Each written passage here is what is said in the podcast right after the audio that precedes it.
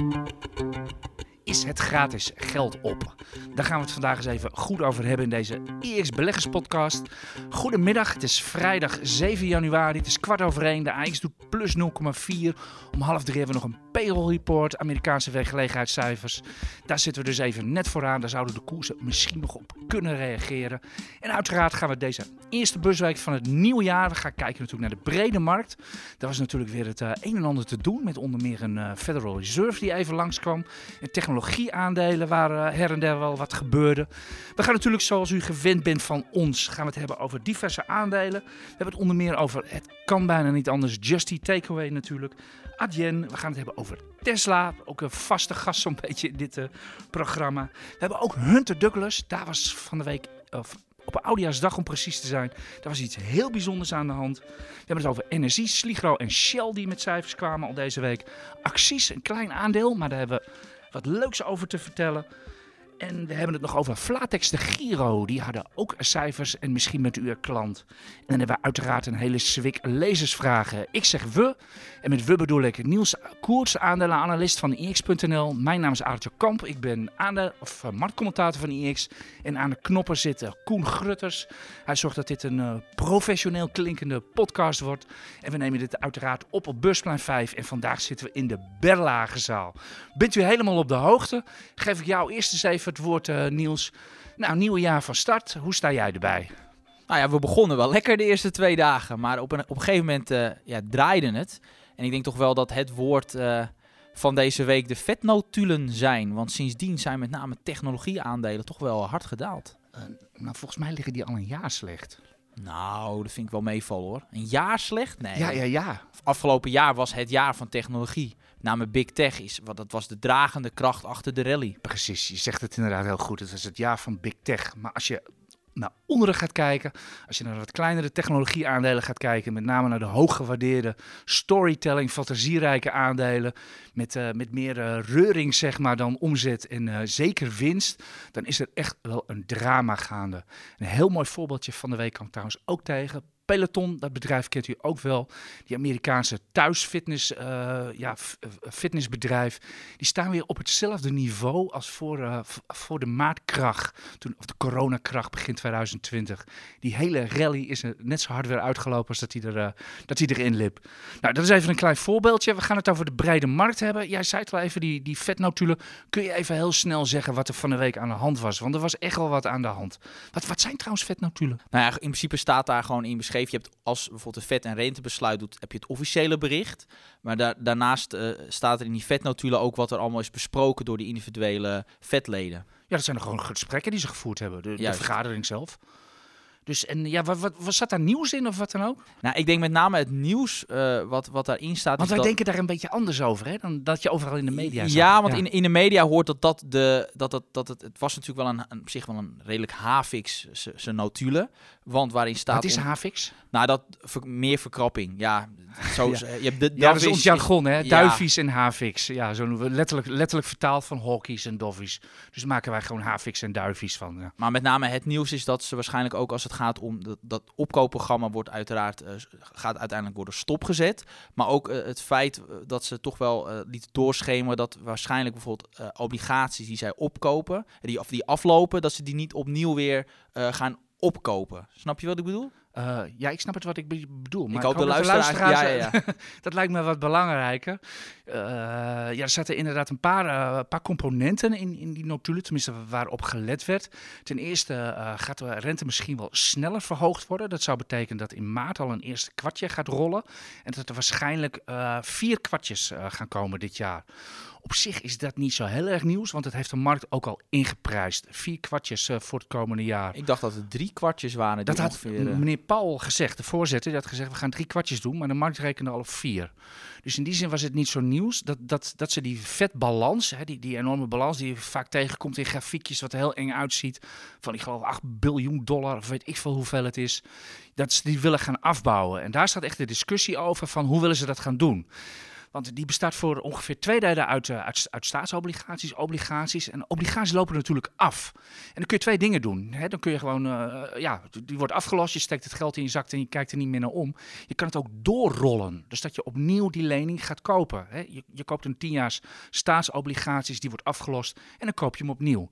En daar ging de discussie over van moeten wij inderdaad gaan doorrollen of niet. Nou, gaan ze niet doorrollen, dan gaat die balans heel snel krimpen. Dat, dat is in principe wat ik wilde uitleggen. Dat op het moment dat je ze niet gaat laten doorrollen, dus, dus je ze niet opnieuw weer gaat kopen, ja, dan gaat in principe het aantal uitstaande dollars gaat omlaag omdat er simpelweg minder schuldpapier uh, uitstaat. En dan zou je, zou je denken dat ook de dollar stijgt. Maar dat gebeurde dus niet. En dat was dus het aparte. dat was, de rente steeg wel, dat wel. Maar je zag, je zag ook aan de koersen. Kijk, als, er echt, als het echt nieuws was geweest, hè, dat, er, dat er echt uh, dus een extra renteverhoging, dat ze die balans echt gaan afbouwen, dan had er gewoon een spike in de grafiek gezeten. Hè. Die, die, die notulen kwamen om acht uur uit. Dan was het gewoon in één keer omhoog of omlaag gegaan met de markt. Maar de markt wijfelde eerst. Die ging eerst omhoog en vervolgens ging die richting het slot. Het was om acht uur, de laatste twee uur van de hand ging het gewoon langzaam maar zeker, ging de boel onderuit. En dan met name technologie, dat ging echt keihard uh, onderuit. Je hebt je Tesla's, et cetera, wel, wel, wel zien gaan. En vandaar dat ik, dat ik zelf concludeerde van, hey, de markt is helemaal niet zo verrast. Dit is meer ja, mijn, mijn, inzicht, mijn inzicht, zoals ik het interpreteer, de markt zocht als het ware een beetje trigger. We lagen al niet zo heel, heel erg lekker meer. De, de, de, vaart is er een beetje uit. We zoeken gewoon een beetje een trigger om te bevestigen van dat inderdaad het gratis geldtijdperk over is. Dat, uh, dat rentes omhoog gaat, dat inflatiebestrijding, dat het het thema is bij de FED de komende jaren. En niet verruimen of de economie ondersteunen. En ik denk dat daar de truc in zit. Ja, maar goed, jij zegt altijd als er echt nieuws in staat, dan in zo'n vet natuurlijk, heb je, zie je meteen een spike naar beneden. Ja. Maar is het niet zo dat het, het zijn behoorlijk, ik, je moet het toch altijd even goed lezen. Um, is het niet zo dat ook de markt tijd nodig heeft om dat te interpreteren wat daarin staat? Uh, ja, die, die notulen, uh, daar zijn bots voor. Uh, de hele financiële industrie, iedereen die heeft natuurlijk software om dat soort persberichten, dat soort natuurlijk gewoon te lezen, tussen aanhalingstekens, daar onmiddellijk op te handelen. Vraag me niet hoe dat soort algoritmes eruit zien, is maar, dat is mijn vak niet. Maar die zijn er. Maar inderdaad, bij de vetnotulen duurt dat inderdaad meestal wel wat langer. Maar dan mag je me nog uitleggen waarom ze kwamen uit en de koersen gingen boef omhoog. False move heet dat in de handelaren. Dat heb je wel vaker natuurlijk. Ja, ja, ja, dat gebeurt vaak. Misschien let u maar op vanmiddag bij het payroll report. Dan ziet u vaak eerst de dollar of de rente eerst even de andere kant uitschieten. Het is vaak maar heel kort, paar tikken. En dan hebben we de echte richting te pakken. Dat gebeurde er eigenlijk ook een beetje, beetje op dat moment. En, en vandaar dat ik ook stel van het was niet zozeer nieuws waar, waar, waar, de, waar de markt op reageerde, als wel ja, de, de, de onderliggende boodschap eigenlijk van. Uh, we, zijn, we gaan echt een ander tijdperk in op de markt. Maar goed, jij zegt dat gratis geld tijdperk dat gaat voorbij. Dat is voorbij. Ja, dat, dat, nou, dan ben ik het dus niet mee eens. Want als je kijkt, we hebben het nu alleen maar over de Amerikaanse situatie. Ja, we hebben het wel over de dollar. Dat klopt. Maar in Europa, ik zie een rente nog steeds van nul. Oké, de Nederlandse 10 jaar is weer een beetje positief. Maar wat zal het zijn? Twee basispunten. Dat is helemaal niets. In Japan is de rente ook gewoon uh, nul. Het is alleen maar Amerika die, waar de, de rente uh, vermoedelijk gaat stijgen. Uh, nou, dat ben ik niet met je eens. De hele wereld is de rente aan het verhogen, behalve Turkije. Daar ja, gaan Turkije nog wel even over. Ja, ja, ja. Maar dat is wel een beetje een special occasion, om het zo maar te noemen. En het is de Bank of Japan en inderdaad de Europese Centrale Bank. Alle alle andere centrale banken die er een beetje toe doen, want dit zijn natuurlijk de grootste met de Federal Reserve, die zijn al aan het verhogen en het afbouwen nieuws. Dus je zou kunnen zeggen dat, uh, dat Europa en Japan uh, ja, achterblijven. achterblijven. En of ze behind the curve zijn, dat gaan we, hè, dus echt achter de feiten aanlopen, ja, dat gaan we dit jaar wel merken. Ja, nou ja, helder. Ja, het, is, het blijft lastig te voorspellen. Ik denk wel dat een renteverhoging in Europa ja, ik zie, ik zie het niet gebeuren. Maar ja, dan nog... Uh, nee, de, de, de, de Europese ja. Centrale Bank gaat het niet uh, uit zichzelf doen. Dat zeker niet, dat hebben ze ook al gezegd. Maar de markt kan natuurlijk wel dwingen. Daarom is het ook zo interessant om naar Turkije te krijgen. Waar eigenlijk de markt dwingt om Turkije de rente te gaan verhogen. Zie maar wat er met de, met de Turkse lira gebeurt. Ja, ze doen het niet. En, daar hebben ze uh, een koppige, koppige president. En dat, dat, ja. en dat leidt tot 37% inflatie. Hij had geloof ik wel zijn excuses aangeboden. Maar, maar dat is in Turkije is natuurlijk ja, dat is het formele getal. Hè. Er gaan ook getallen van meer dan 50% inflatie in Turkije rond. Maar ja, dat heb je natuurlijk ook hier in Europa. Gisteren was het eerste Duitse inflatiecijfer over december. 5,3% de consumentenprijzen. eh, ja, eh, gevoelsmatig, eh, de broodjes hamburger in de kantine waren net ook 6, 7 procent duurder, toch? Hebben jullie het nagerekend of niet? Uh, nee, ja. het is wel, het is wel, wel wat duurder geworden. Ja, dus... Gelukkig eet ik ze niet, maar... nee, maar wat je wel ziet... Maar Laat u even in de comments weten hoeveel u meer voor uw lunch kwijt bent. Dan hebben we dat in ieder geval maar, ook weer boven water. Maar we moeten natuurlijk wel eerst zien of, of, dat infla of die hoge inflatie natuurlijk niet gewoon tijdelijk is. Want er zijn wel een aantal... Nee, dat, dat hebben we al vaker over gehad, dat de lange termijn trends als het gaat om technologische ontwikkelingen, ver, uh, vergrijzing, die zijn nog steeds intact. En dat zorgt voor druk op de prijzen. En daar hebben we het in de afgelopen podcast ook over gehad. Op het moment dat ook die problemen in die toeleveringsketen uh, verminderen, zou dat wel uh, een drukkend effect kunnen hebben op de prijzen. Ja, en, uh, ik uh, twitter of zet in mijn stukjes, zet ik regelmatig ook grafiekjes van de inflatieverwachtingen van de markt. Inderdaad, voor de, voor de euro lopen die inderdaad weer wat terug. Ze gaan weer richting 2 en op wat kortere termijn richting 2,5 procent. Dus wat dat betreft, ik, dus een, ik denk niet dat mevrouw Lagarde van de ECB heel erg slecht slaapt op, de, op dit ogenblik. Misschien is dat wel een leuke. Waar het denk ik veel interessanter is om over te hebben dan die, dan die centrale banken, et cetera, is hè, wat er inderdaad met die, met die aandelen gebeurt, technologieaandelen. We krijgen er ook heel veel vragen over. Is het feest over, uh, Niels? Want feest is het geweest de afgelopen jaren. Ja, ja het hangt uiteraard wel een beetje af wat voor type bedrijf, technologiebedrijf je in wil beleggen. Zo'n Just Eat Takeaway, dat is wel een bedrijf waar ik wel wat meer zorgen om maak. Ook om, maar dat is ook meer omdat die onderliggende business zo ongelooflijk lastig is. Als je ziet hoeveel uh, zo'n bedrijf extra om moet toeleggen op een, op een maaltijd die wordt bezorgd. Die marges zijn onwijs negatief. En daar komt bij uh, dat ze moeten dus hebben van marktpakken. En uiteindelijk, die winst die ze gaan behalen, dat, dat, dat gaat nog wel, misschien wel, kan nog wel vijf jaar duren. Ja, op het moment dat dan de rente stijgt, zijn dat natuurlijk de eerste aande, aandelen die daar last van hebben. Omdat een rentestijging zorgt er natuurlijk voor dat die toekomstige winsten minder waard zijn. En je zit dan met die uh, verdisconteringsvoet. die dan omhoog gaat. Ja. En dan zijn die ja, toekomstige winsten dus minder waard. Dus dit is net als Adyen, de, waar de bedrijven waar de winsten echt in de toekomst liggen, zijn het, het, het, meest gevoelig uh, voor een rentestijging. En daarom zijn dat ook de aandelen die het hardst omlaag gaan bij, uh, uh, sinds die vetnotulen. ja, maar de, zelf, ik, ik zei het al even, dit is al een, al een jaar gaande. Ik maak zelf een beetje de hele grove on, onderscheid tussen, tussen zeg maar jubeltech. Dat, dat lijkt echt op de dotcom-crisis van 20, 25 jaar geleden. De dotcom-bubbel. Dat inderdaad de aandelen die het echt van storytelling, pure fantasie en de mooie toekomstperspectieven moeten hebben. En niet van omzet nu, laat staan winst, maar wel hoge waarderingen. Die zijn echt zwaar in de, in de huidige markt. Dan zit u echt tegen, tegen dalingen van 40, 50 procent aan te kijken. Wat dat betreft, u komt die naam misschien vaak tegen. Het ARK Innovation Fund, of ETF heet die officieel, van Katie Wood. Nou, die heeft natuurlijk in de 2020-markt, die ging vier keer over de kop of wat dan ook. Toen gingen dat soort aandelen heel erg hard, want er was overvloedig veel gratis uh, geld in de markt. Ja, en nu verdwijnt dat en dat soort aandelen worden echt zwaar en zwaar afgestraft. Ze, is zelf gehalveerd sinds de, top, uh, sinds de top vorig jaar. Maar kijk je naar aandelen die gewoon... Uh, ja, aandelen als Apple, als Alphabet, et cetera. En, uh, en bij ons denk ik ook wel een ASML of wat dan ook. Die hebben, het zijn zulke gearriveerde bedrijven zijn dat. Die betalen ook dividend, die, uh, die doen een aandelen inkoop. Dat kun je bijna al defensieve aandelen noemen.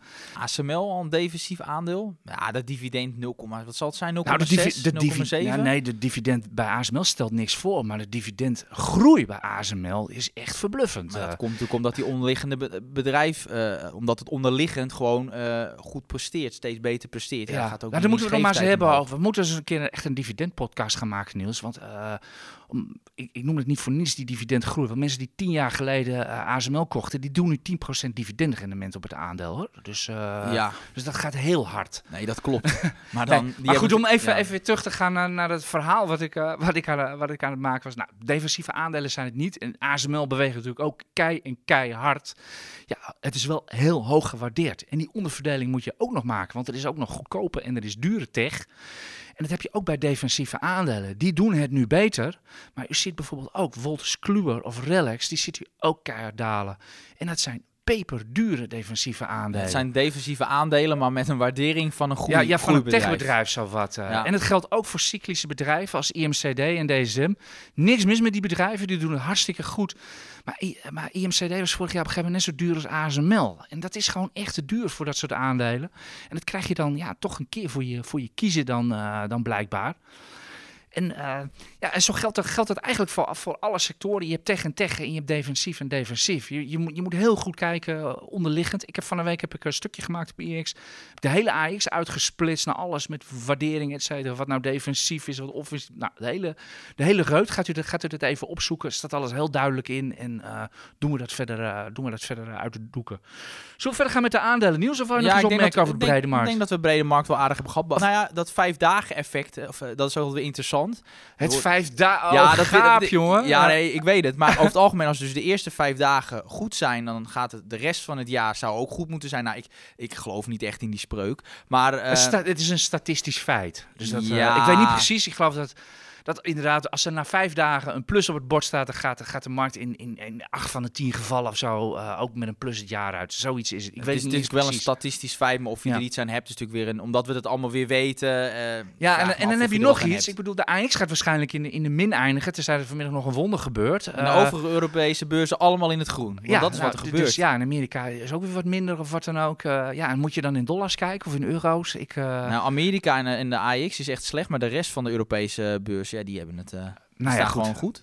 Goed, we, eh, we- nou goed, we zien wel wat er vanmiddag op bord staat en dat vergelijk- vergelijken we dan wel weer eh, op 31 december. Ja, Ja, voordat we naar de aandelen gaan, ik denk dat het wel een mooi moment is om toch even de luistervragen erbij te pakken. Je wil nu al naar de luistervragen. Zeker, want we zijn al op de helft.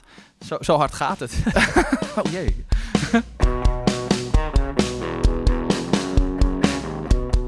De eerste vraag is van Majestijn. Wie? ja, ja. Ja het is ook Frankenstein? Een, nee, het is gewoon weer een alias op Instagram. Ehm, wat is jullie visie op de underperformance van goud? Want je zou denken, goud dat gaat als hè, de inflatie is behoorlijk opgelopen, maar waarom blijft goud nou achter? Heb jij daar een antwoord op? En toen werd het stil. Eh, ja en nee. Eh, als ik de zakenbanken et cetera mag geloven, eh, heeft Bitcoin een beetje de rol van, van goud overgenomen. Ik weet het niet. Eh, goud volgt in de regel eh, redelijk de rentes, maar ook de dollar. Dus daar moet je, daar moet je naar kijken. Eh, wat dat betreft zou goud inderdaad wel wat moeten, meer moeten bewegen. Maar wat je ook bij grondstoffen hebt, en dat is mijn persoonlijke interpretatie, je hebt altijd zoiets van momentum. Als je bij de meeste grondstoffen kijkt, door de, door de decennia heen, bewegen ze per saldo eh, zijwaarts. En af en toe is er reuring en dan heb je boom en bust in de markt zitten. En dat heb je ook bij goud. Als je heel goed die goudgrafiek gaat bekijken vanaf 1971, toen de goudstandaard werd losgelaten, zie je twee hele dikke booms in, in, in 1980 en eh, in 2010. En verder eh, doet het nooit zo heel erg veel. Dus er moet, er moet ook belangstelling voor zijn. Er moet op een of andere manier moet het in de mode zijn, momentum of wat dan ook. Ik denk dat dat bij goud ook en zo werkt. meest En nu, en nu kijkt iedereen gewoon inderdaad naar, naar, naar crypto en eh, nu alweer NFT's. En eh, misschien komt er dit jaar wel weer wat nieuws. En, Maar wat natuurlijk ook meespeelt is dat als de inflatieverwachting neemt natuurlijk wel af. En dat komt natuurlijk ook door een verkrappend eh, beleid, eh, met name in de Verenigde Staten. Dus je weet ook dat wanneer een, eh, een, een centrale bank gaan verkrappen, dat is ook nooit goed. dat is ook niet goed voor, voor, nee, het is niet voor, goed voor goud. voor Maar, grondstoffen. maar het is natuurlijk al wel langer hè, dat, goud gewoon, dat goud gewoon niet goed presteert. Nou, ik geloof de afgelopen tien jaar heeft goud het wel, wel aardig gedaan. Hoor. Nee hoor, het is zo, zo, zo zijwaarts. Als, Nou, Ik geloof dat het de, wel de, de meevalt. top is uit 2011 hoor. Ja, maar dat was ook wel echt een extreme markt. Nou, was dat. negen- 1900 dollar ergens of zo. Ja, dat weet ik nog wel. Dat Ja. was, Nou ja, goed, Ik, ik, ik vind zelf goud een heel lastig item. Het is niet uit, je kan niet uitrekenen wat het waard is. Ik heb nog nooit een goede, eh, ja, daarvoor een goede som gezien of, of wat dan ook. Ik, ik vind het een heel lastig goedje om iets zinnigs over te zeggen. Ik zit er zelf ook niet in en ik overweeg het ook niet. Nou, nu een volgende vraag van Eat More Seafood. ja. Zal wel over Just Eat Takeaway gaan? En dan is natuurlijk de vraag, is er een crash gaande? Nou, ehm, om eerlijk te zijn... Gewoon, gewoon een algemene beurskracht? Juist, of, eh, ja, ja, ik maar- noem dat een kracht, gewoon Nederlands Ja, maar woord. crash, dan hebben we het wel over dalingen van 20%. Ja, En- minimaal, ja. En dat, daar is nu absoluut geen sprake van. Ik geloof dat de AIX nu iets van een procentje of 5 onder zijn all-time high staat. Dus 5, 6 procent. Nou, dat is, stelt allemaal niet zo heel veel voor. Mag ik advocaat van de duivel spelen, Niels? Dat mag altijd. Weet je, je noemt het al, eh, inderdaad, we staan een paar procent lager. Inderdaad, iedereen alweer, oh jee, bang, is dit een kracht of wat dan ook. er is, er, is, er is geen risicoperceptie meer in. Mensen weten niet meer wat risico is. Dat is volledig normaal. Dat, dat een beurs gewoon even min 5 gaat of min 10 of min 20 of, of wat dan. Dat is gewoon normaal als je historisch kijkt. Dat zijn we volledig ontwend. Uh, Oké, okay, waren er in maart 2020 een, maar die was weer voorbij voordat we ook maar met onze ogen konden knipperen. Ik denk dat het wel eens even gezond is als we eens een keer een goed pak op ons donder krijgen op die beurs. Gewoon, eh, gewoon eens even voor de risicoperceptie. Dat iedereen gewoon weer eens even beseft dat, dat, dat, dat eh, geld niet als manna uit de hemel valt. Dat het gewoon verdiend moet worden en het bloed, zweet en tranen kost. En dat het gewoon geen free lunch is. Dus jij hoopt, op een, jij hoopt dus echt nee, op ik hoop er niet op. Maar het, ik denk dat het wel eens even een keer goed zou zijn. Uh, omdat gewoon, gewoon, ja, gewoon, je moet het voelen. Dat je, je, moet, ja, gewoon dat die risicoperceptie erin is. Want dat zie je nu misschien met, uh, met, met Bitcoin gebeuren. Hè, wat, wat, wat een heel erg issue is in, onder uh, zeg maar serieuze of in de, in, de, in de gevestigde industrie. Die zijn gewoon echt boos. Gewoon van dat er onbeperkt reclame wordt gemaakt. Van oh, doet je spaargeld niks?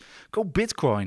Nou, als je dat als als je onder AFM-toezicht valt en je roept zoiets, dan komt de boevenwagen meteen voor. Maar iedereen weet toch dat, dit, dat dat nergens op slaat. Mensen kunnen toch ook zelf nadenken?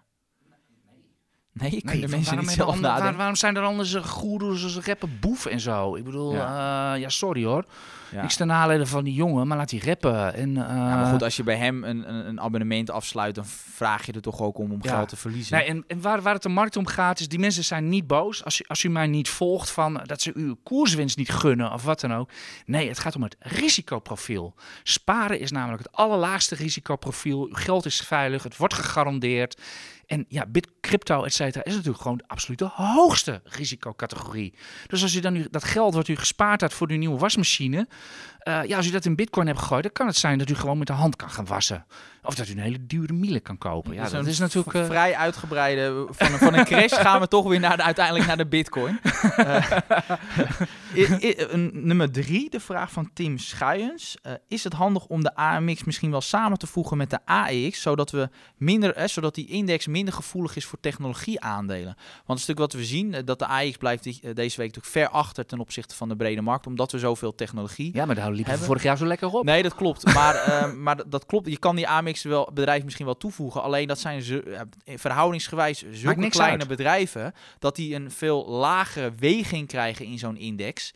En daardoor helpt het alsnog niks. Dus uh, ja. Nee, om, de, om een beetje te duiden wat, wat Niels zegt. Als je, als je naar de AX kijkt, ik doe het even uit mijn hoofd. Ik heb de cijfers niet bekeken. ASML heeft iets van 15% indexgewicht. Hè, er zitten 25 aandelen in. En ASML heeft al 15% indexgewicht. En dan is het nog gecapt ook. Want eh, ASML is, uh, is al ongeveer 1 vijfde waarde van het hele Damrak. Dus dat is al gecapt. Uh, Unilever en Shell ook iets van 10%. Nou, zo loopt het af. En dan de kleinste aandelen uit de AX, die doen er niet eens 1%. Dus als je daar dan nog, ook nog die 25 nog kleinere aandelen uit de AMX bij gaat voegen... Ja, dat, dat die gaan met z'n 25 ja, misschien 3% wegen of ja, zo. zoiets. Dus dat, dat, gaat, dat gaat echt helemaal niks uitmaken. Ja, of je moet natuurlijk uh, dat soort aandelen natuurlijk heel hoog gaan zetten. Of wat ook. Dan gaan de gewichten weer veranderen. Maar dit zal echt per saldo niks uitmaken. Het zou op zich wel handig zijn. Dan hebben we, dan hebben we gewoon één index waar alles in zit. Maar ik denk dat het zo wel goed is. Nu een vraag van een ene, de heer Jansen. Niels, wat denk je van Alibaba? Ja, want wat is natuurlijk het nieuws? Krijg je die vraag ook niet iedere week? Ja, we krijgen hem vaak. Maar er is nieuws. Er is nieuws van uh, meneer... Chinese aandelen dus. ja, ja, want Charlie Munger, is, uh, is ingestapt hè, van Berkshire Hathaway. Ja, de partner, van, de partner van, Buffett. En dat is ook echt de waardebelegger. En ja, eigenlijk verbaast het mij wel dat hij zo positief is over uh, Alibaba en dat hij positie neemt. Zeker omdat het risicoprofiel van zo'n van zo'n Alibaba heel hoog ligt. En dat je begot niet weet uh, wat die Chinese overheid allemaal nog gaat doen. En het, op papier is het een mooi waardeaandeel, veel groei en een lage waardering. Alleen dat heeft natuurlijk wel een, een reden. En dat is omdat we gewoon niet weten of er überhaupt dat aandeel misschien nog wel een delisting gaat plaatsvinden. Want de Chinese overheid zit niet te wachten op al die Chinese bedrijven met een notering in Amerika. Maar ik vraag me af of dat toezichthouder in de Amerika er ook wel op zit te wachten. Want ja, die Chinese bedrijven, we weten, die zijn niet heel erg transparant. Uh, nee, dat is, uh, nee de, de SEC, de Amerikaanse toezichthouder, die dreigt er ook steeds mee. Van dat, ze, dat ze van de beurs worden geschopt. Omdat ze niet aan alle regels voldoen. Ik zag trouwens vandaag op, op, op CNBC zag ik nog een kop voorbij komen dat, dat Beijing nu de, naar de logaritmes gaat kijken van de techbedrijven. Dus uh, ja, daar komen ze echt aan het hart van hun, uh, van hun bestaan natuurlijk. Geen idee wat dat uh, voor gevolgen gaat hebben. Ja, daarmee zeg ik zelf al een beetje mijn opinie over, over China. Ik vind, ik vind in China op dit moment gewoon non-investment non-investable. Omdat je, ja, je weet gewoon niet wat die regering gaat doen. En dat is gewoon een groot risico. Eén ding weet ik wel. Uh, die Chinese regering dient niet primair het belang van buitenlandse aandeelhouders. Het is wel zo dat Warren Buffett en Charlie Munger zijn al heel lang actief in China. Die beleggen al lang in uh, grote aandelen daar ook. Het kan natuurlijk wel zijn dat zij contacten hebben of wat dan ook. Dat zij net even wat meer weten dan uh, jij en ik, Niels. Ja. Maar dus, denk Charlie Munger is niet gek. Nee, het dus, algemene verhaal zou zeggen, nou wees hier heel voorzichtig mee. En als je doet, misschien 1, 2 procent van je portefeuille. Maar dan, uh, dan hebben we het wel gehad. Ik heb ze zelf ook, maar dat is echt wel die, in die uh, grootte. Ja, het is gewoon een eigen keuze die je wil maken. Als jij, jij, als jij kan leven met hoe, hoe, ja, hoe Beijing maatregelen neemt, et cetera. Ja, doe het vooral. En, uh, want duur zijn ze niet, nee. die aandelen. nou, dit waren de, de luistervragen. Is er misschien een nou, ik had, ik, had, ik, ik had er ook Oh ja, je had er ook nog één. Want het, het, sluit een beetje aan op die... ja, die kreeg ik op Twitter. Ik weet niet meer van wie. Maar het sluit een beetje aan op het krachtverhaal. was een vraag aan mij of ik de dip ga kopen. Ik uh, heb natuurlijk afgelopen tien jaar was ik natuurlijk van de buy the dip uh, type. Nou, wat is buy the dip? Op, op min 10% koop je gewoon blind bij. heb ik een aantal keren gedaan en uh, dat ging heel erg goed in mijn geval. Nou, en, ook heel vaak niet goed, want als die aandelen maar blijven stijgen, mis je een enorme rit, AJ. Ja. dat is weer een hele andere... Ja, voor een andere podcast. Ik doe het even heel, uh, heel gechargeerd. Moet je bij de hand zijn. Zeker. Uh, ik zal proberen deze vragen te beantwoorden. Uh, ik, ik weet niet of ik dat nu ga doen. Er staat nog lang geen min 10% voor de, voor de AX of voor de S&P of de MSCY World. En waarom niet? Omdat de markt is veranderd. Die, dat buy the dip, dat werkte heel goed in de markten van monetaire verruiming, zoals we die afgelopen tien jaar hebben gezien. De, de, de, de, centrale banken die risico uit de aandelenmarkt halen, dat verandert nu. En ik, uh, ik weet niet of dit trucje nog uh, gaat werken. Dus ik weet niet of ik dit uh, blind ga doen. Meer zoiets van, als ik, ik heb cash en meer zoals je denkt als de markt een zwik gedaald is of wat dan ook. Dat ik denk dus, van, dus, goh, ja, koop even een pluk bij of zo. Jouw verhaal is in feite, ik laat het liever wegbranden op de spaarrekening. dat is in feite wat je zegt. ja. Jij bent de programkoers uh, vandaag. Uh, Niels, ik ben geen 26 of 27 meer zoals jij. Ik, ik kan wat minder risico nemen. Nou, jij kan prima risico nemen. Je geeft toch niks uit. Dus op het moment dat, je, dat al jouw spaargeld op is, dan kan je nog prima leven van een AOW uitkeren. Ja, als mijn wasmachine dan kapot gaat. Ja, goed. Nou, dan moet je even naar de buren toe. maar heer, heer, heer. Ik geloof dat ik met, met Niels nog maar eens een keertje hierover moet hebben. Of wat dan. Misschien is het ook wel een keer leuk om, om gewoon eens even hier een podcast over te maken, ja. Niels. Gewoon pakken we onze eigen porto's erbij en ja, gaan dat kan altijd. Maar in jouw zijn flink over soebatten. Ja, je zal het nooit doen, maar in jouw situatie had ik en veel meer risico met mijn geld genomen en veel meer geld überhaupt uitgegeven. Maar goed, dat is weer wat anders. Ja, en waaraan joh? Ik, uh, ik, ik, ja, ik ben een sober iemand. Uh. Maar goed, dit wordt nu wel heel we erg moeten naar de aandelen, aandelen denk ik. Wat ja, we laten, we, laten we dat maar gaan doen. Hebben we genoeg over Just Eat Takeaway gehad? Ja, want uh, jawel, dat, dat zindert, dat zindert behoorlijk... Ja, ik, ik, zit, ik, ik zit er ook bij, eigenlijk een beetje verdrietig naar te kijken. Want ik vind het juist mooi, dit soort bedrijven. Jitse Groen, echte ondernemer. Dat dit soort bedrijven genoteerd zijn. Hij durfde echt, hij durfde de oversteek naar Amerika te maken. Of dat goed uitpakt, daar heeft iedereen zijn twijfels over. Uh, ik, ik vind het doodzonde. Maar het is gewoon, het momentum zit tegen. Die trend is omlaag en uh, er, is geen, er is even geen houden aan. Nee, maar je weet... En, ik, ik noemde het... net ook al IMCD. Hè? Dat is precies het tegenovergestelde. Dat ging vorig jaar bleef maar gewoon omhoog gaan. En denk je, het is duurder dan ASML. Waarom stijgt het nog? En ja, dan steeg het toch weer. Ja, en, dat, uh, dat, kan. Ja, dat is een opgaande trend en ga er niet tegen inbeleggen. Maar bij Just Eat, het bedrijf is gewoon simpelweg moeilijker te waarderen. En dan is een aandeel gewoon volatieler. Ja, dan kan het halveren. Ik kan daar niks anders van maken. Past eigenlijk wel een beetje in het beeld wat ik al zei van, uh, van dat heel veel tech-aandelen zonder winst en met veel fantasie. Die zijn gewoon gehalveerd in het afgelopen jaar. En daar valt, ja, daar valt Just die Takeaway ook onder. En in mindere mate natuurlijk ook een verdiepingje lager, cm.com. Uh, daar zitten oh, mensen ook wel. Zitten daar mensen ook we niet te veel over hebben.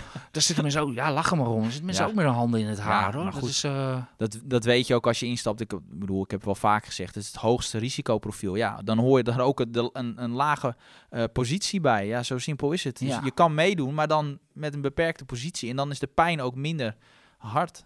Ja, maar als mensen koerswinst uh, ruiken, gaan ze all in. Uh, ja. ja, dat is wel... Dat, ja, is, dat is wel een beetje de ervaring.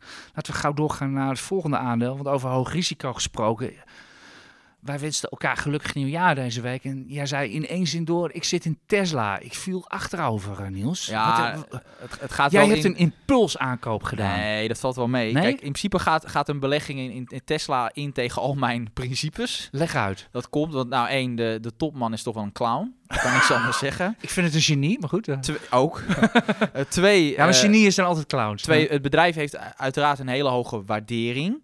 Alleen dan is het, dan is het wel weer zo, uh, op basis van een waardering bepaal je op de verwachte winsten.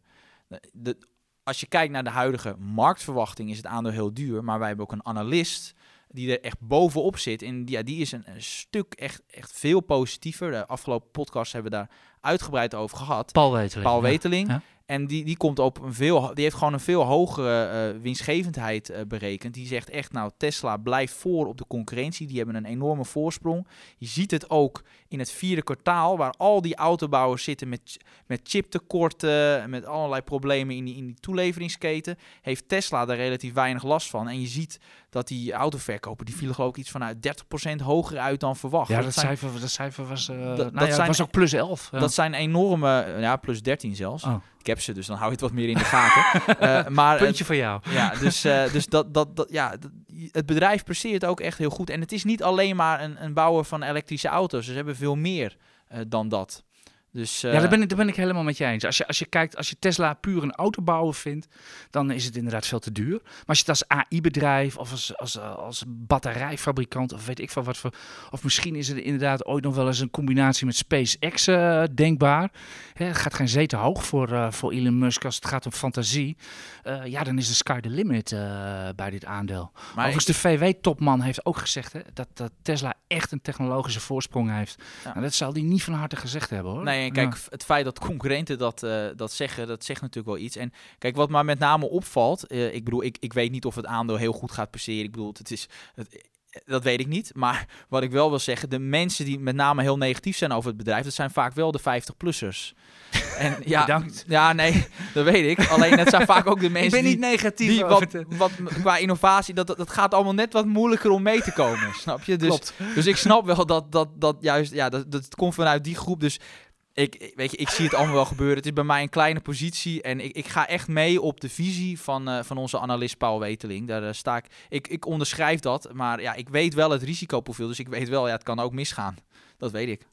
Maar was Paul niet altijd berries op uh, Tesla? Nou, dat is nog wat ik nog extra sterk vind. Hij was in het verleden echt negatief. Maar hij heeft een Toch, bepaalde, ja. bepaalde draai gemaakt. Omdat hij zich ja, veel meer is gaan inlezen in het bedrijf. En gewoon is achtergekomen dat het veel meer is dan alleen een bouwen van elektrische auto's. En dat vind ik met name interessant. Mensen die sowieso hun mening uh, kunnen bijstellen, dat waardeer ik. Uh, zien dat ze uh, gewoon durven toegeven dat ze verkeerd zitten. En vooral die zwaar maken van, van dus negatief naar positief, dat zegt wel iets. Dan, dan betekent dat je iets hebt gevonden waarom je veel enthousiaster bent geworden over bedrijven. En ja, ik volg hem daarin. En ik, ik, ik geloof er ook wel in. Alleen, ja, ik zeg wel, dat heb ik net ook aangegeven, dat het, ja, het, het is normaal niet mijn belegging. maar ik vind het wel leuk om mee te doen. Gewoon puur voor de adrenaline in de aarde. Nou, dat is, uh, het is een kleine positie, dus ja. dan valt het wel. Maar goed, uh, we, weten allemaal, we weten allemaal hoe leuk dat is. Uh, als, als, je, als u alleen, zoals ik, alleen maar in trekkers zit, dan wordt het wel heel saai hoor. Met de, met de aandelen komt de, komt, individuele aandelen komt de beurs veel meer tot leven. We gaan even verder met een. Uh, we hadden het al even over een topman. We gaan het ook even hebben over een topman. Maar daarvoor lopen we nog even heel snel langs de cijfers die we deze week al hadden op het Damrak. We hadden vandaag uh, een update van Shell. Uh, die melden wat productievertragingen en her en der wat tegenvallende cijfers zonder cijfers te noemen. Er zat her en der wat tegen, et cetera. Ik heb, even, ik heb zelf niet goed naar gekeken. Ik vroeg onze analist Martin Krum, die is zeer goed uh, ingelezen in Shell. Die zegt van het stelt allemaal niet, niet veel voor. En het is echt nog wel even wachten op de, op de cijfers. Die zijn denk ik rond 1 februari. De koers beweegt er ook nauwelijks nee. Dat, maar, nee, maar de olieprijs staat ook weer hoger vandaag. Ik heb niet eens met de pers vergeleken. Dus, uh, maar het is, het is vaak zo dat kwartaalresultaten, wat dan ook bij Shell, wel amper impact. Maar ook deze week Sligo, uh, dat als geen ander last heeft natuurlijk van de lockdowns met haar horeca business. Ik vind dat het bedrijf het uh, gegeven de omstandigheden ongelooflijk goed doen. Ik heb een zwak voor dit aandeel, oud familiebedrijf. Heb het altijd heel goed gedaan tot voor een paar jaar terug toen ze moesten reorganiseren. En nu komt dit eroverheen. Maar het is wel echt typisch een buy and hold aandeel. Dat, eh, dat moet je niet voor ritjes hebben of zo, toch Niels? Nee, ja, Of, gewoon... of kijk jij überhaupt niet naar Sligo? Nee, het is niet mijn eh, favoriete aandeel. Nee. Die staat een beetje niet, die staat niet op de radar bij Maar je houdt van familiebedrijven ook. eh, Jawel, ja. zeker. Ik heb daar ook wel een zwak voor. Ja. Alleen ik, ik, vond, ja, ik vind het ook niet aantrekkelijk gewaardeerd of zo. Dus ja, ik kijk er gewoon niet naar. Oké, NSC had jij nog wel wat eh, over te Die hadden ook Ja, zijn zie, daar hebben we het Ja. nog nooit over gehad in de podcast. Snap ik ook wel, want er zit niemand in, zo'n beetje. Alleen wat ik wel interessant vind, ze Laat zitten even in- weten als u er wel in zit. Ja, eh. het is, het is, eh, ze zitten in het kantoorvastgoed. Nou, we weten het allemaal in, eh, Zweet loopt al over mijn rug. in Nederland. Hè, de- de- we, hebben we, gaan sowieso meer thuiswerken. Dus zou je zeggen minder behoefte naar kantoren. Maar waar kwamen zij met een update? Ze zeiden ja, we hebben onze waarde van onze eh, kantoorvastgoed, van onze portefeuille, met 4% naar boven bijgesteld. En dat viel mij wel op. Dat daar toch wel die behoefte naar kantoor blijft wel. En dat is aan de andere kant ook wel weer logisch, omdat het kantoor voor veel mensen ook gewoon een sociale werkplaats is. Je wil toch, je wil toch met mensen wil je in contact blijven. Je wil, ja, ik, ik bedoel, Je druk je weer subtiel uit. in deze, in deze lockdown, ik zit ook vier van de vijf dagen thuis. Ja, daar word je niet blij van. Ik, was, ik was woensdag voor het eerst sinds... Ik had twee weken vrij. Ik was weer eens op kantoor. Dat was gewoon een uitje. Ja. Gewoon eerst even kletsen met iedereen. Ik vind het vreselijk eh, alleen maar thuiswerken. Dus die eh, behoefte die ja. blijft. En zij hebben hem eh, ja, opgewaardeerd. Dus aandeel ook in de, in de lift. Dus minder leegstand zelfs. Dus ja, het zag er goed uit bij NSI. Misschien dat het met die, met die kantoren, et cetera, En een hoog beetje... dividend. misschien met die kantoren misschien nog wel wat mee gaat vallen. Laten we ook hopen dat het voor de winkels gaat gelden. Ik zie toch veel leeg staan hier in Amsterdam. maar goed, ik noem het wel even topman. Het was op Oudejaarsdag en de oudste vorst aan het Damrak, laat ik hem zo maar noemen, Ralf Sonnenberg. Topman, oprichter en groot aandeelhouder van Hunter Douglas. We kennen het allemaal van de Luxaflex, wat voor onze ramen hangt. Dat maakt hij. Die heeft weer een streek uitgehaald, Niels. Ja, hij dacht even... Ja, hij heeft het... Nou, ik vind En jij, streep jij mag het vertellen, want jij bent ervaringsdeskundige zelfs. eh. Ja, jij had het aandeel. tussen aanhalingstekens zal, ik even heel snel. Ja, zal ik even heel snel vertellen wat er, wat er gebeurd is? Prima. En dan mag jij, eh, omdat, jij eh, omdat jij voor 64 verkocht hebt, geloof ik. Hè? Ja, precies. Ja, Oké, nou daar gaan we het even over. er Wat, wat, is er, wat is er gebeurd? Ralf Sonnenberg had, hij, had 85% van de aandelen, meen ik. Ja, hè? 90 zoiets. ja en een En jaar geleden. moest 95 hebben om... Een het- jaar geleden of zo lanceerde hij een bod op eigen aandeel van 64 eh, euro. Iedereen blij, want het was een eh, mooie premie van 25%. Iedereen blij? Nee. Eh, zeker het Value Fund hier in Nederland, eh, die begonnen meteen te schreeuwen. Dit is veel en veel te weinig. Die kwamen, dacht ik, met een rapportje 90 uit en een half Nee. jaartje later. Die kwamen op een rapportje die zeiden, het is 175 waard. Ja, maar dat was een half jaar later pas. Ze kwamen eerst met 80 of 90 en vervolgens kwamen ze, eh, was in juni, kwamen ze met eh 175. Dat geeft wel een beetje aan van hoe goed geboerd eh, Hunter Douglas heeft in de afgelopen, afgelopen twee jaar. In ieder geval, het aandeel stond ongeveer op 45 toen, toen Ralf Sonnenberg met dat bod op eigen aandeel kwam. En zo hoopte hij natuurlijk de resterende 10, 10 à 15 procent die hij nog niet had van 10. het, van het aandeel binnen te harken. Ja, en zoals we nu weten, om dat rechtstreeks door te verkopen aan de hyperkapitalisten van 3G. Dat zijn eh, Braziliaanse durfinvesteerders. We kennen ze van eh, AB InBev, de Belgische bierbrouwer, en van Kraft Heinz. eh, een bedrijf waar ook Warren Buffett in zit en wat een paar jaar geleden bood op Unilever. Dat zijn hardcore Excel-kapitalisten. die werken met Excel en eh, kosten besparen. Dat kunnen ze als geen ander. Eh, voor- en hij heeft, en die gaan het dus voor 175 per aandeel kopen. Dus zo gaan we even in een jaar tijd van 45 naar 64 naar 90 naar En, 175. en de meeste beleggers hebben, net als ik, voor die 64 verkocht. En ja, dat En is iedereen is nu heel erg boos op Ralf Sonnenberg. Ja. Is dat terecht? Nou, ik vind eerlijk gezegd van niet. Want eh, de markt heeft hem ook de kans gegeven om, zo, om, om een relatief laag bod te kunnen ja, lanceren. Eh, want destijds, hij bood gewoon een nette premie van 25%. Nou, dat is gewoon een hele Met die redelijk- 64 toen, hè? Ja, met die, hij bood eerst 64 en een premie van 25% is heel redelijk. Dat is heel gebruikelijk eh, bij, eh, bij een overname. En ja, ik vond het een redelijke prijs. Oké, ik vond het ook wel nog steeds goedkoop. Maar mijn inschatting was, nou, die man heeft toch al 90%. Dus die laatste 5%, hè, als je 95% hebt of meer, dan kan je uitroken. Eh, de andere Ja, dat is, dat is gewoon wettelijk. Dan mag je de resterende deel uitkopen. Dus mijn inschatting was, nou die 5% die haalt hij wel binnen. Dus ik, ik dacht, nou mooi, 64 euro. Kon, het stond precies op het bord. Dus ik denk, nou, dan geld dat ik dan krijg, dat kan ik meteen weer herinvesteren. Want ja, stel dat, dat hij niet het benodigde eh, aandelen binnenkrijgt, dan kan het soms wel nog maanden slash een jaar duren voordat het allemaal rondkomt. Laat Dus staan wanneer jij je geld op je rekening hebt Daarom. staan. Ja. Dus, dus ik mijn, ja, het was gewoon een, een logisch besluit. Alleen het pakte even verkeerd uit.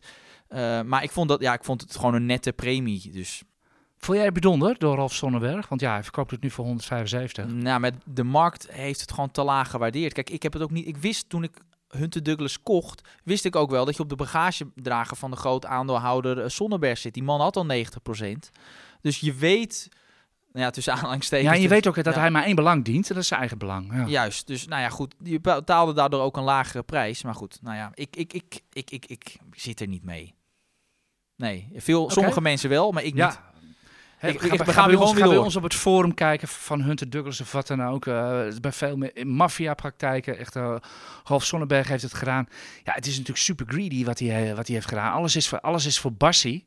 Maar voor zover ik dat kan zien, eh, heeft hij zich aan de wet gehouden. En eh, het is net wat jij zegt. De markt heeft hem gewoon natuurlijk deze opportunity geboden. En we zijn zelf natuurlijk ook zo als belegger. Als we ergens een koopje zien, eh, dan gaan we er ook vol in. En dan gaan we achteraf gaan we ook niet delen. Hè? Nee, dus, zo werkt dat. dus ja, zo, zo werkt het nou eenmaal. Op de beurs is alles voor Bassie. We gaan nu even snel, want we hebben alweer 40 minuten volgepraat. En we moeten het nog even over Flatex de Giro hebben, Niels. Zeker. Want daar heeft iedereen een rekening, maar moet je het aandeel ook hebben. Nou, ik had hem in december, geloof ik, op, of november op kopen gezet. En eh, nou, ze kwamen nu voor het eerst met een eh, trading update. Sinds dat we eh, het aandeel ook ja, coveren, dus analyseren. Op zich, ik, het viel wat tegen. De groei viel tegen. Het aantal klanten steeg met 55% op jaarbasis. Dus nog steeds hele mooie groei. Maar het viel wat tegen ten opzichte van de verwachtingen van, van, het, ja, van, de, van analisten. En dan, dan gaat gewoon de koers meteen min 10. Ja, dat is, dat is Flatex Giro. Een extreem volatiel aandeel. Alleen, wat ik altijd wil, wil aangeven is... Kijk bij dit bedrijf nou even wat verder dan een kwartaal. Want eh, met name voor de lange termijn ben ik enthousiast. Een aantal trends eh, zijn gunstig. Bijvoorbeeld, het is, de barrières om te gaan beleggen zijn echt enorm omlaag gegaan. Je kan nu in 5 à 10 minuutjes kan je een beleggingsrekening openen. Er zijn relatief weinig mensen nog, met name in Frankrijk en Duitsland, eh, waar mensen een, via het internet dus een online eh, eh, broker hebben. Dus er is nog veel groei. En Flatex eh, heeft het opereert tegen de laagste kosten. En dat is belangrijk. Want ja, wij beleggers kijken allemaal naar de kosten. Want ja, hoe lager de kosten, eh, hoe gunstiger het rendement. Eh, dus ja, ik zie, eh, ik zie daar met name wel kansen voor de lange termijn. Mag ik je wat tegen inbrengen? Zeker, dat mag 9 van de altijd. 10 Europeanen gaat never nooit beleggen. Want, Maar- we, want we, we worden alleen maar bang gemaakt voor de beurzen hier in Europa. En eh, regelgeving verandert ieder jaar. In Duitsland is een heel andere regelgeving dan hier. En, eh, en in die hele brokerwereld, ja, voor je het weet komt er weer een nieuwe partij die het nog weer even goedkoper doet of nog weer een slimme ja, appje heeft. zo makkelijk gaat dat niet een hoor. hoog competitieve me- markt. Ik ja, vind, maar eh, zo, zo makkelijk gaat dat niet hoor. En die, eh, schaal, eh, schaal is echt wel een, eh, eh, een heel belangrijk bij de brokers. En je krijgt ook de hoge groei eh, bij eh, eh, de Giro. Ze verwachten ongeveer 30% per jaar groei. Dus tot en met 2006. verwachten ze zelf, hè? Verwachten Niet de ze analisten. zelf. Oké, ja. Nee, de- maar analisten gaan daar redelijk in mee hoor. Dus ze verwachten zelf 30% groei per jaar. En je krijgt, stel dat het bedrijf het niet helemaal kan waarmaken, dan nog kan het aandeel omhoog, omdat die waardering relatief laag is. Het doet ongeveer 15 keer de verwachte winst. Ja, dat zijn over het algemeen, bij dat soort groeivooruitzichten, hoort daar ook een hogere waardering bij. Dus eh, waarom beweegt het aandeel zo volatiel dan?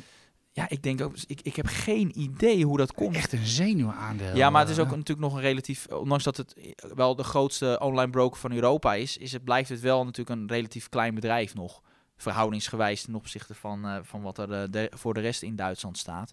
Dus ja, dan kan het nou eenmaal wat meer bewegen. Oké, Niels, we hebben drie kwartier volgepraat. Ik had de luisteraars had ik nog farming en acties beloofd. Doen we die nog even heel nou, snel? heel kort farming. Ze hadden wel nieuws. ehm, dat leek in eerste instantie wel echt, eh, ja, ze, ze hadden uit mijn hoofd. goedkeuring EMA.